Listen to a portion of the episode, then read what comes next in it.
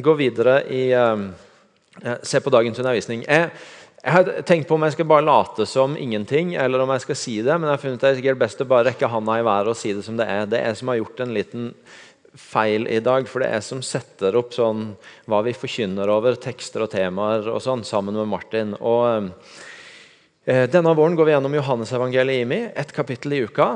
Og Hvis du syns det er litt rart at jeg nå ikke kommer til å forkynne om palmesøndag, så henda i været. Jeg må bare innrømme at det syns jeg òg. Men jeg har åpenbart ikke tenkt på det når jeg lagde den tekstrekka.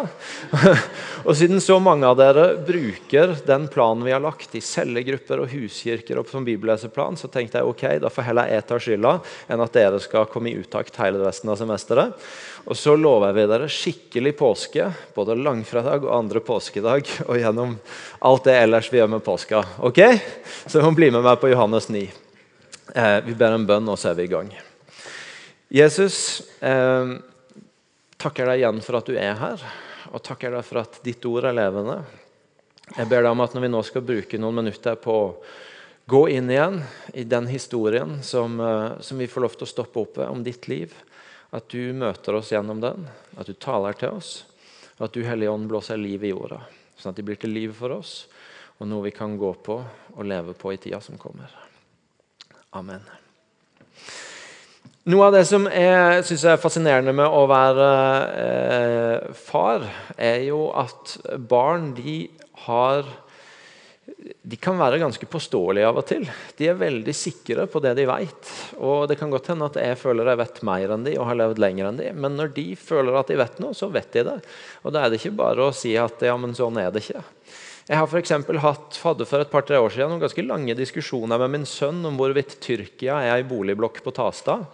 Eh, fordi, fordi, det hadde han og en kompis kommet fram til og helt overbevist om. Og det hjalp lite å finne fram kart og alle sånne ting. Nei, det var den blokka der. Det er Tyrkia. Eh, og Det samme er det med min datter på fire fortsatt. Når jeg har vært i Oslo og hun spør hvilket land det er, i, og jeg sier Norge, så er jeg nei. altså Norge, Norge er her. Norge er Stavanger, så det er ikke så Oslo. Så, eh, det er veldig, veldig, artig med barn. hvordan de er, man, man, vet bare det man vet. Og da kan man på en måte, Det er det man kan eh, hevde og stå fast på. Og Kanskje er vi voksne litt flinkere til å eh, smyge oss rundt de åpenbare feila der, men litt sånn er det vel for oss alle. At eh, det det, så langt vi har sett, det er så langt vi har lært og erfart, det er det vi kan si, det er det vi kan hevde. Eh, og Det gjelder også i det som har med tro å gjøre. At de utsagnene, det, det, vi kan stå inne for å si om hva vi tror på, tilsvarer jo det vi så langt har sett og erfart og lært om Gud, om Jesus. Og I Johannes evangeliet kapittel 9 så får vi møte en som går fra Vi vet ikke helt hva han tror, men all grunn til å tro at han er jøde og tror på jødenes gud. Eh, men, men, så får vi gjennom kapittelet følge han i en prosess til å uttrykke en tro på Jesus. Johannes eh, evangeliet kapittel 9 begynner med å si at da Jesus kom gående, så han en mann som var født blind.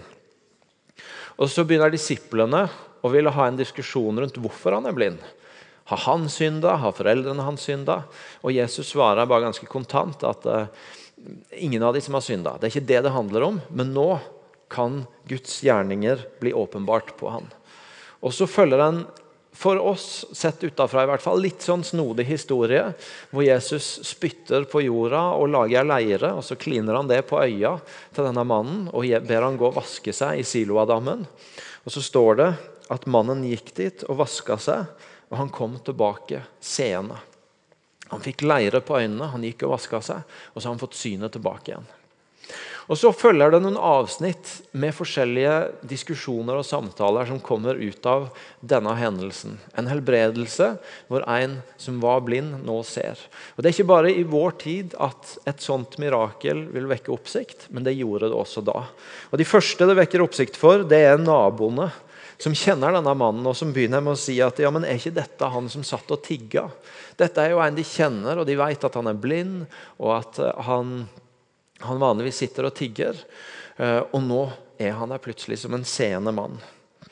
Og, eh, og noen prøver seg med å si at nei, han bare ligner. Det er nok ikke han. Men så sier denne mannen sjøl. Men han sjøl sa det er meg.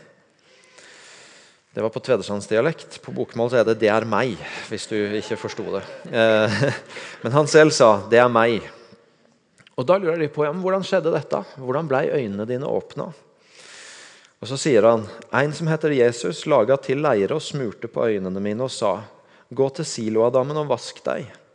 Jeg gikk dit, og da jeg hadde vaska meg, kunne jeg se. Hvor er denne mannen? spurte de. Jeg vet ikke, svarte han. Så langt så kan han bare bekjenne det som har skjedd. Han har møtt en som het Jesus. Og, og, denne Jesus sa hva han skulle gjøre. Og når han gjorde det, så ble han frisk. Fikk han synet tilbake. Det er åpenbart at naboene ikke finner fred med dette svaret. De, de, føler ikke at de har fått forklaring god nok, så de tar han med seg til de skriftlærde. Og det er nesten litt som de tar han med seg for å på en måte, skal, nesten som han skal liksom få retten. Og, ehm, og, Det er mye i samtalen som kommer som tyder på at det er ikke en sånn positiv 'Kom, kom, dere må høre hva som har skjedd.' Du må fortelle det til de òg. Men det er mer hvordan, hvordan skepsisen og hvordan kan vi få plassert dette. Det står at de førte mannen som hadde vært blind, til fariseerne. Og Dette hadde altså skjedd på sabbaten. og Vi har tidligere i Johannes-evangeliet lest at fariseerne er ikke veldig begeistra for helbredelser på sabbaten. For På sabbaten skulle man ikke gjøre noen ting. Så de òg spør hvordan han var blitt seende. Og han igjen forteller hva som har skjedd. Og så sier fariseerne denne mannen er ikke fra Gud, siden han ikke holder sabbaten. Eh, og, så, og, så, står det at det ble uenighet blant de om dette. Og Så spør de han som hadde vært blind. Hva mener du om han, siden han har åpna øynene dine? Han svarte, han er en profet. Så nå går han litt lengre i å si noe om hva som har skjedd. Det er ikke bare en eller annen som heter Jesus, som sa noe til han, og nå ser han.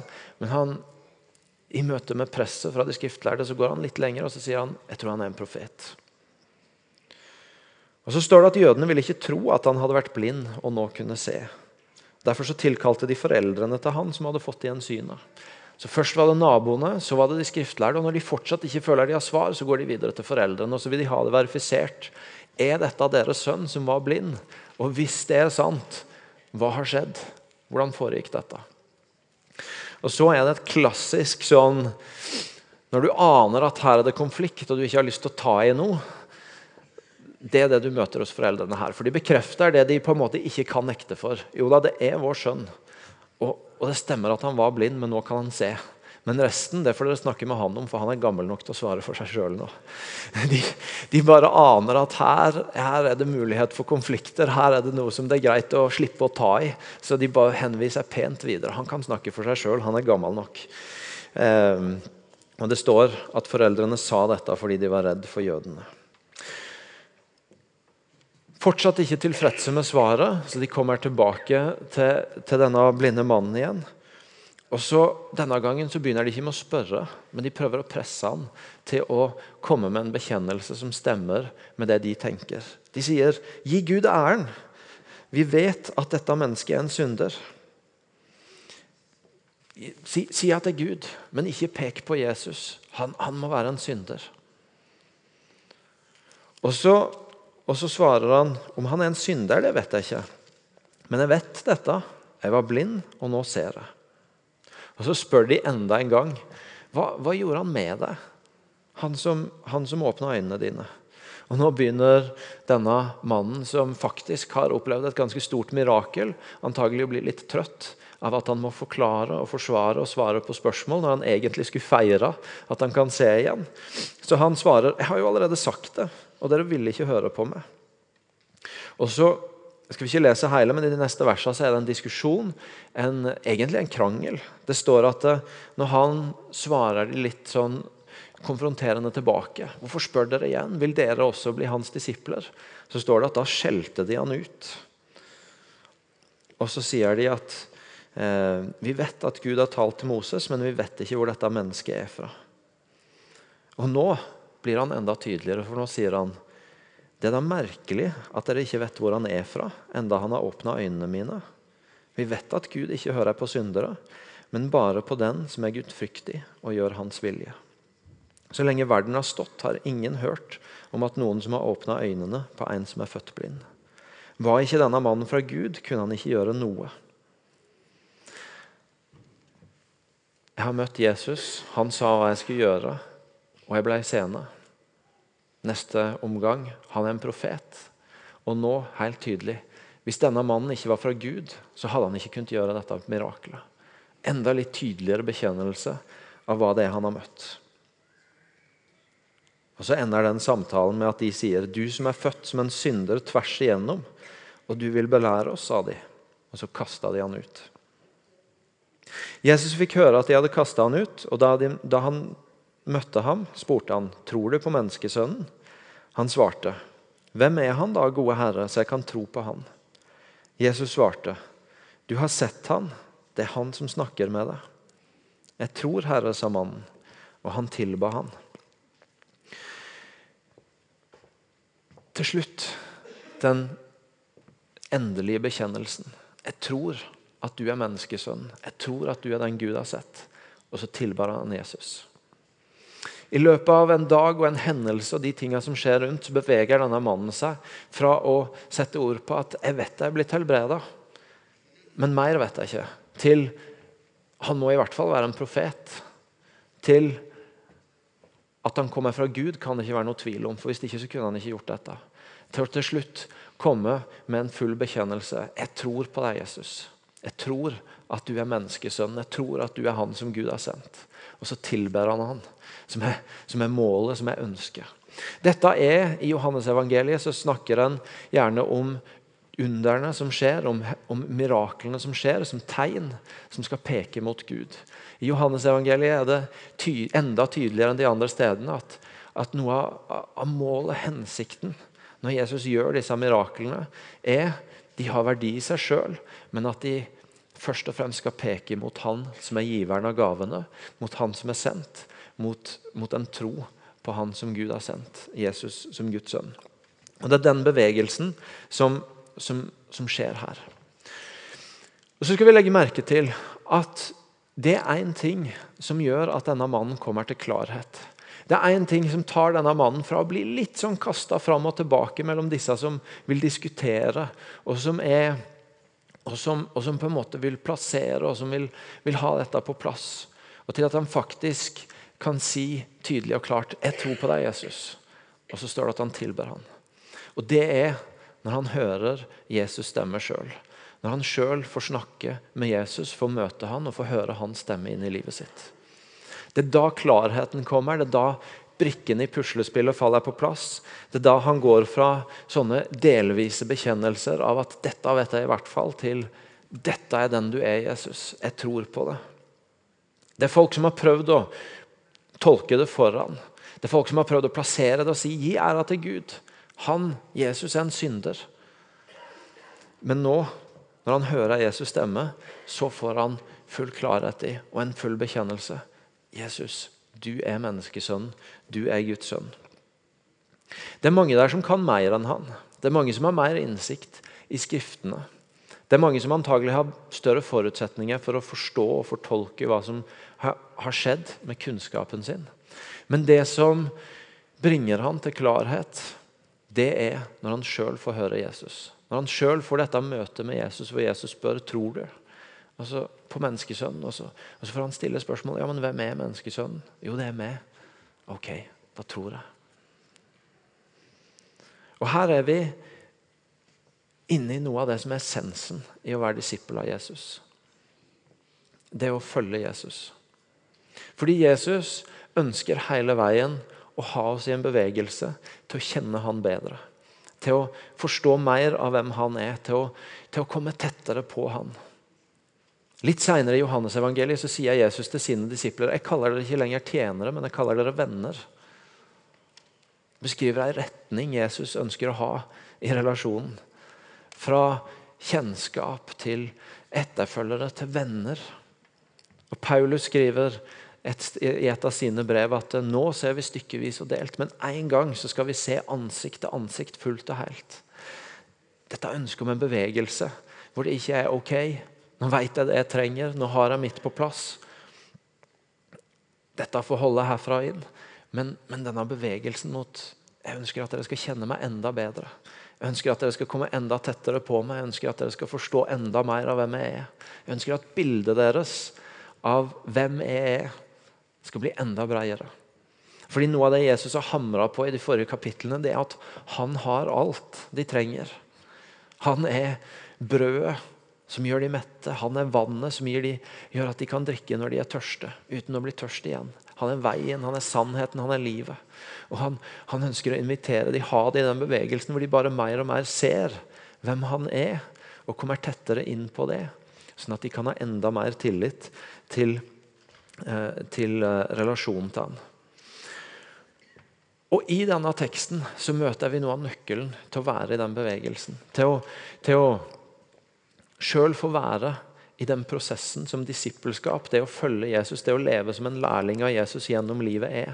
For det er en livslang prosess. Det er å hele livet være i bevegelsen med og mot Jesus. Og Noe av nøkkelen er det vi ser her. Det er nemlig å kunne høre Jesus sjøl. Å kunne høre Jesus ta, snakke til en og respondere på det. For det er det som skjer med han. Han hører Jesus, og så får han gi en respons på det. Og det er helbredelse. Nei, helbredelse sier jeg. Tilbedelse. En, enda et Else-ord. Det er noen ganger sånn at vi kan leite mange steder etter mer innsikt, etter råd, etter innspill, etter diskusjoner som tar oss videre. Og så er det en del ganger så er det bare stemmen til Jesus som kan ta oss videre. Som kan, som kan få, få, på plass hvem Jesus er i den situasjonen. Som kan bringe klarhet i hvor han ønsker å lede oss i den situasjonen. Jeg vet selv at Noen ganger så har jeg vært forvirra av hva jeg skal gjøre. Jeg har vært forvirra av hva er neste steg i livet. Eh, hva, hva, er det, hva, hva, er det, som er min retning? Hva er det, hva er det som er planen for meg? Og så vet jeg at noen, noen ganger når, når, jeg har vært i de prosessene, så har jeg løpt rundt fra person til person jeg har tillit til. og, eh, og, og Noen har jeg, har jeg ikke kjent godt, eh, godt engang, men jeg har bare liksom tenkt at de virker til å være folk som har peiling, og de ser jeg opp til. Og sånne ting. Og så, og så legger jeg sammen saken for de, og så vil jeg høre hva de tenker. Og så, og så er det veldig bra for råd og innspill og visdom. Men så er det akkurat som det er noe i meg som vil at de skal ta valget for meg. De skal, de skal bringe klarheten til meg fordi jeg strever med å finne han sjøl. Og jeg har ennå til gode å erfare at den klarheten jeg lette etter, kom av at jeg løp rundt og fikk alle andres meninger. Jeg har fått mange gode råd, og jeg, og jeg tar deg for all del ikke mot det. Og det, det er verdifullt. Men det er i møte med Jesus at klarheten har kommet. At jeg har landa. Hvor er det du tar meg nå, Jesus? Det er noen ting som andre stemmer noen områder hvor andre stemmer ikke kan erstatte Jesus' stemme i våre liv. For noen, for noen uh, år tilbake så hadde vi takkegudstjeneste her. og Da satt Tore, som ofte står der og spiller gitar, en utrolig begava musiker vi har blant oss. Eh, han fortalte om sin opplevelse når han gikk på musikkgymnas. Han fikk gå på et gymnas hvor han fikk bruke tid på det som var lidenskapen hans, det som var drømmen hans. Og så fortalte han hvordan det som egentlig skulle være fantastisk, ble forferdelig. Fordi at alt handla om sammenligning med de andre. Om han var god nok eller ikke god nok. Han, han, klarte ikke å finne fred i at han var god nok, eh, og at det han hadde, var bra nok. Og så kom skiftet når han begynte å sitte for seg sjøl alene med gitaren og bare tilbe Jesus. Og Så opplevde han at Jesus snakka til han om hvem han var, om hvordan han så på han. Og Så sa Tore, satt her med meg og Martin, og så sa han Martin og Elling kan aldri fortelle dere hvem dere er, hvem dere egentlig er. Det er det bare Jesus som kan. Og det er så sant. Det er noen ting som bare Jesus kan tale inn i livet vårt. Det er noen ting som ingen andre stemmer kan erstatte enn en det at Jesus får snakke inn til oss. Det betyr ikke at det, andre, at det ikke er plass til andre i prosessen. Det betyr ikke at ikke, vi kan trenge hjelp til å høre Jesus stemme og til å identifisere den.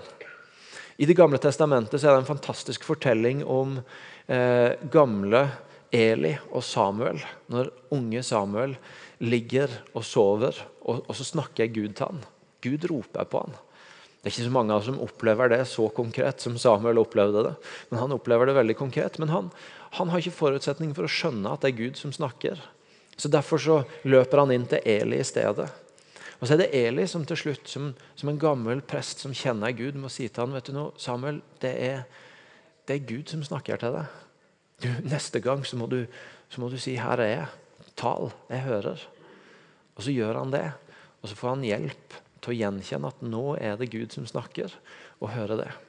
Men det er en stor forskjell på at noen hjelper deg til å gjenkjenne Guds stemme, og til det som skjer i denne fortellinga her, hvor de egentlig prøver å presse over han det som bare Jesus kunne si til han, nemlig svaret på hvem han er. Her, her, her prøver de å si gi Gud æren, vi vet at dette mennesket er en synder. I stedet for å hjelpe han til å sjøl komme til Jesus og høre Jesus, så prøver de å presse nedover ham hva, hva det er Jesus vil si til ham. Og Det er en stor forskjell på at noen hjelper deg til å gjenkjenne Jesus i livet ditt, og på at noen prøver å ta Jesus sin plass og si det bare han kan si. Det er noen ting som ingen andre stemmer enn Jesus kan gjøre. Og Så er jo spørsmålet hvordan skjer dette? Hvordan, hvordan taler Jesus til oss, sånn at vi får være i den bevegelsen hvor vi, hvor vi, hvor vi går fra å bekjenne noe til å kunne bekjenne mer av hvem han er, av hva han vil være for oss, av hva han gjør. Og Det er masse en kunne si på. Jeg kan ikke si alt i noen minutter nå. Men jeg har sagt før noen ganger her at jeg tror Guds ord, når vi leser Guds ord, så er det meint å tale til hodet vårt, til hjertet vårt og til armene og beina våre. Det er meint å tale både til kunnskapen vår, til erfaringene våre og, det som er hjertet vårt, og til handlingene våre og hvordan vi lever livet vårt. Og Det møter vi også i denne fortellinga her. Her ser vi at noe av det første som skjer, det er at Jesus snakker til denne mannen og sier du må gå og vaske deg i Siloadammen. Og så gjør han det, og så blir han frisk. Og Det er faktisk sånn at det er noen ting ved det å bli bedre kjent med Jesus, ved det å være i den vandringa hvor vi vokser i innsikt og tillit og relasjon til Han, som bare kan skje ved at vi velger å handle på det Han sier. Vi kan bare egentlig få tak i det når vi velger å handle på det. Jeg kan stå her og si til dere så mye jeg vil, at det er et bibelsk prinsipp. Gi, så skal du få. Men, men inntil noen av oss velger å handle på det, så får vi ikke en faktisk erkjennelse av at ja, men det stemmer. At det er velsignelse i å gi. Denne, denne høsten og, og, og, vinteren så har vi mange ganger snakka om fordi vi har engasjert oss i det med å ta imot mennesker som er nye i landet vårt, så har vi mange ganger brukt verset fra Hebreerne 13,2 om at vi må huske på å være gjestfrie. For på den måten så har mange hatt engler på besøk. Ingen av oss kan egentlig få tak i den sannheten før vi velger å handle i tillit på det ordet. Men jeg har snakka med mange i menigheten de siste seks månedene som har erfart at de har hatt engler på besøk fordi de har valgt å handle på ordet om gjestfrihet. Og Så kommer de, og så har de gjort noe med dem. Fordi det å ta imot det ble ikke bare at de fikk velsigne noen, men de fikk faktisk erfare sannheten i at å, jeg fikk noe tilbake. Jeg fikk ha engler på besøk. Jesus sier i Matteus 7 at salige er de som hører det jeg sier og tror på det, for de bygger et hus på fjell. Det er noen sider ved relasjonen til Jesus som vi egentlig bare får tak i når vi velger å handle på det han sier til oss. Som ikke kan fullt ut erkjennes, som ikke fullt ut kan bli en del av våre liv før vi velger å leve i det. Men så er det også erfaringen. For denne mannen han gjør en erfaring. Han, han, han, opplever noe som går fra å være en generell sannhet til å være noe han har møtt. Han opplever helbredelse. Og han opplever å få møte Jesus på nært hold, og få snakke med han, få tilbe han. Og det er en annen side av det å vokse, av å, av å, av å se Jesus tale inn i våre liv. Som handler om de gangene hvor det som har vært generelle sannheter, blir spesifikke sannheter i våre liv. Hvor vi gjør erfaringer som gjør at det går fra hodet til hjertet. Hvor vi ikke bare vet at Gud er en kjærlig Gud, men hvor vi får tak i at han elsker meg. Hvor vi får tak i at Gud ikke bare er en Gud som har gitt mange løfter, men hvor vi faktisk gjør en erfaring av at oi, dette løftet gjelder for mitt liv. Jeg kan ha trygghet i det. Og det, det, er noen ting som du kan få fatt i her av hvem Jesus er, og hvor han kan få tale inn i livet ditt, som som du ikke kan få tak i på andre vis. Som du verken kan få tak i med å handle i tro så mye du vil, eller å, å kunne så mye du vil, men som, men som handler om denne erfaringa med Jesus, hvor han får berøre hjertet ditt. Men så opplever også denne mannen at, at han får mer kunnskap. At han faktisk får en forståelse som gjør at han kan bekjenne Jesus, du er menneskesønnen, du er Guds sønn. Fordi Når Jesus spør tror du på menneskesønnen, så vet han ikke hva han skal svare, for han vet ikke hvem menneskesønnen er. Men han faktisk får kunnskapen som gjør at han kan koble sammen det han har erfart og det han har handla på, med det Jesus sier om hvem han er. Da kan han tilbe ham. Noe av det inspirerende historiene vi kan lese om eksempelvis eh, fra andre deler av verden for tida, det er at mange muslimer opplever at Jesus kommer til dem i drømmer. At De har ikke hatt mulighet til å høre forkynnelse, de har ikke hatt mulighet til å lese Bibelen, men de opplever at Jesus kommer til dem i drømmer, og så taler han til dem. Og Da har de en erfaring av Jesus, men det som skjer med mange av dem er at eh, neste gang de får sjanse til å snakke med en kristen, så er spørsmålet du må fortelle meg mer om hvem denne Issa, hvem denne Jesus er. For, for jeg jeg har møtt han. Han kom til meg i en drøm, men jeg vet ikke alt om han. Og Så trenger de faktisk å få sette det de har erfart, inn i sammenhengen av fortellinga i Bibelen om hvem han er, for å fullt ut kunne få tak i hvem han er, og få, og få, bedre, og få bli bedre kjent med han. Det er områder i livet hvor, hvor det ikke holder å, å, bare ha erfart med hjertet. Eller hvor det ikke holder å bare ha, ha handla på i tro og sett at det holdt men hvor du faktisk også trenger å ha innsikten i hva Guds ord sier. Du trenger å ha fått hjelp til å tenke og, og kunne noe som hjelper deg til å plassere det i en større sammenheng. Tre måter som Jesus taler inn til oss, og som er åpninger for oss til å, til å få være i den bevegelsen som Jesus vil ha oss i, mot å kjenne han bedre og bli, komme tettere på han. Til slutt noe av det første som skjer i denne fortellinga, det er at, eh, at, Jesus, at, at denne blinde mannen kommer. Han møter Jesus, og så begynner de å diskutere ja, men hvorfor er han blind. Er det han som har synda, eller er det foreldrene som har synda? Og så vil ikke Jesus diskutere det. Men han sier i stedet nå, men nå kan Guds gjerninger bli åpenbart på han.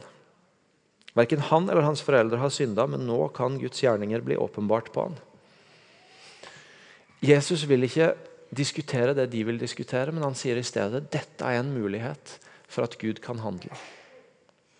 Og Det er et, en, en linje i Bibelen som går igjen og igjen og igjen.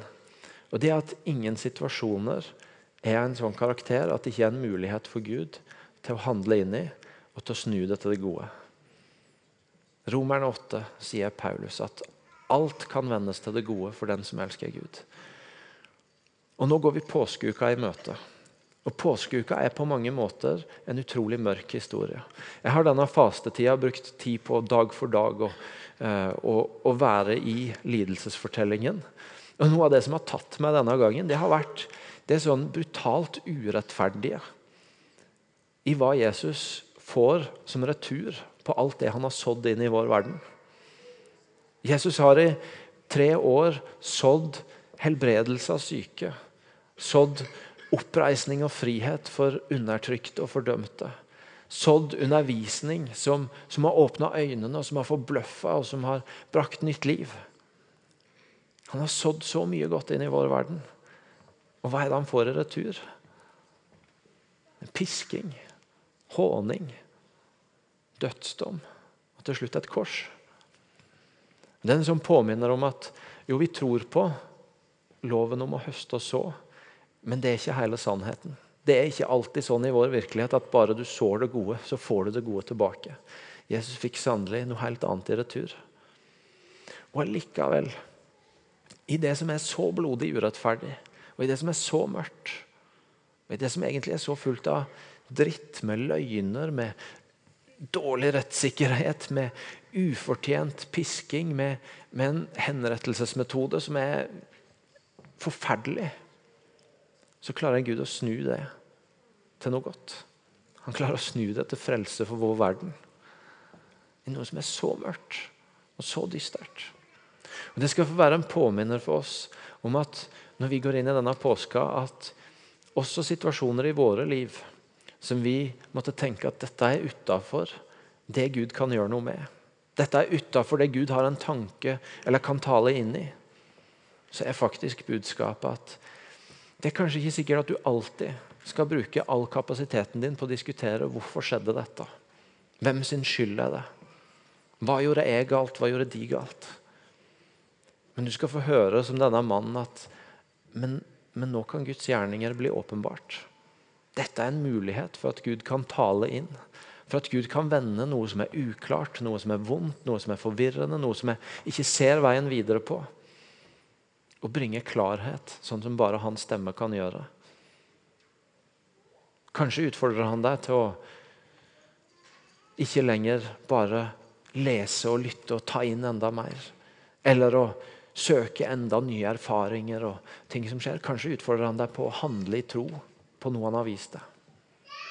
Kanskje kaller han deg bare tett inn og sier vet du, det eneste du trenger nå, det er å være nær meg og erfare hvem jeg er i livet ditt, i det du står i nå. Kanskje inviterer han deg til å grave dypere, sånn at du kan se klarere hva som er sannheter om han, og hvem han er i denne situasjonen. Gud kan handle, Gud kan tale, Gud kan bety noe inn i alle situasjoner i våre liv. Og kanskje det er muligheten for denne påskeuka å la fortellingen om han som tok det mørkeste av det mørke og snudde det til liv, også være frimodighet til at han kan gjøre det samme i situasjoner i våre liv. Skal vi reise oss opp og be sammen?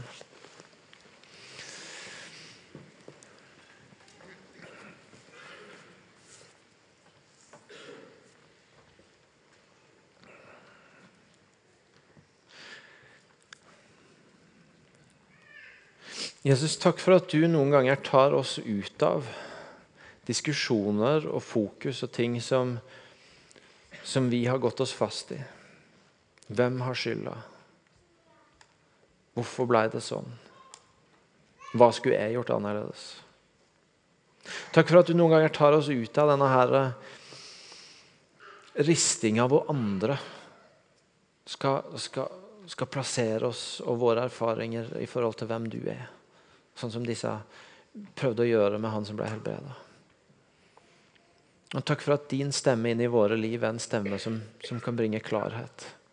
Og som kan vise en vei videre i våre liv. Og som kan vise en vei til et nærmere vennskap med du. Jeg ber deg denne påska om at det måtte bli ei påske hvor vi kan få, få høre det. Få høre deg tale inn i våre liv på områder som vi kanskje har gitt opp, eller tenkt at uh, du ikke bryr deg om. Eller som det er forvirring rundt, og hvor vi, vi løper rundt og leter etter svaret alle andre steder. Takk for påminneren i ditt evangelium om at du har alt vi trenger. Takk for påminneren om at din stemme bringer klarhet der vi ikke ser klart. Jeg ber deg om at du skal tale inn i våre liv. At du skal gi oss tro på at du kan vende det som er vondt, til noe godt. Men på at det alltid er en retning mot frihet og nytt liv i ditt rike.